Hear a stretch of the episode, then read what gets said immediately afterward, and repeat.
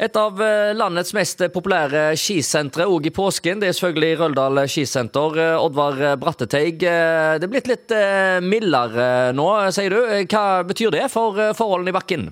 Ja, det er blitt litt mildere. De siste ukene her nå har det jo, og første del av, av palmehelga, så minte det jo faktisk litt mer om vinterferie enn om påskeferie. Så nå har temperaturen gått litt opp. Nå er det 1,5 minus og lett snøvær så forholdene de blir fine nå i dag med, med sol. Så nå blir det knallflotte forhold. Ja, og høyt til fjells eh, så seint eh, i en eh, påske, så kan en fort bli litt solbrent òg. Selger du mye solkrem? ja, vi selger mye solkrem, og, og, mer blir det vel nå når sola dukker opp for fullt. Så det er faktisk veldig, veldig viktig å beskytte seg nå. Så vi har solkrem til de som måtte, måtte mangle det. Det kan bli brilleskille og litt av hvert å komme hjem med her nå?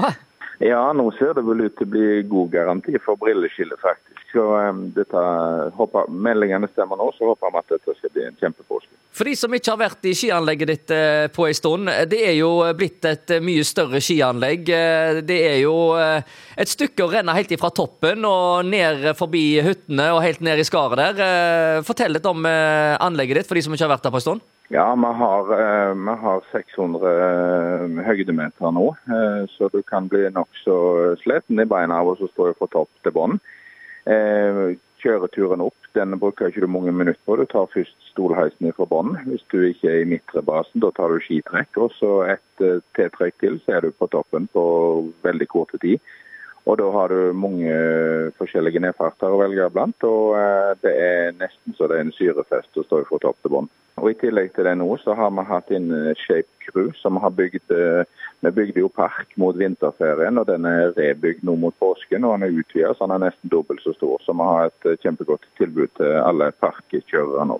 Ja, og så er det noe med det at uh, du har disse hyttene underveis der, sånn at det går an å stoppe og sette seg i solveggen og få noe godt å spise og, og drikke underveis. Ja, ja, absolutt. Det er kafé midt oppi anlegget, og det er i nedre del av anlegget. Og rett ned forbi eh, anlegget så ligger Rødlandsterrassen, som er restaurant og bar. Så um, det er et godt utvalg til alle. Og der har de faktisk knallgod mat, vet jeg. Så.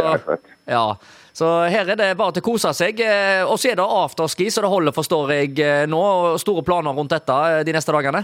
Ja da, der er afterski hver dag. Både på Røldalsterrassen og Hordatun. I kveld da er det konsert med kriminell kunst på Røldalsterrassen, altså skutbar afterski.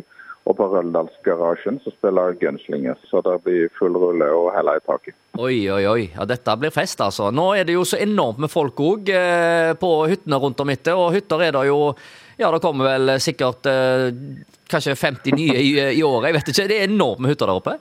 Ja da, vi har mye hytter, og mer er underveis. Så vi står jo med åpne armer og tar imot alle som vil bygge og etablere seg. Der eh, vi har kommer det flere nye godkjente hyttefelt allerede til sommeren. Så eh, det, blir, det er ikke slutt på aktiviteten i fjellheimen her. Og Det sier altså Oddvar Bratteteig ved Røldal skisenter.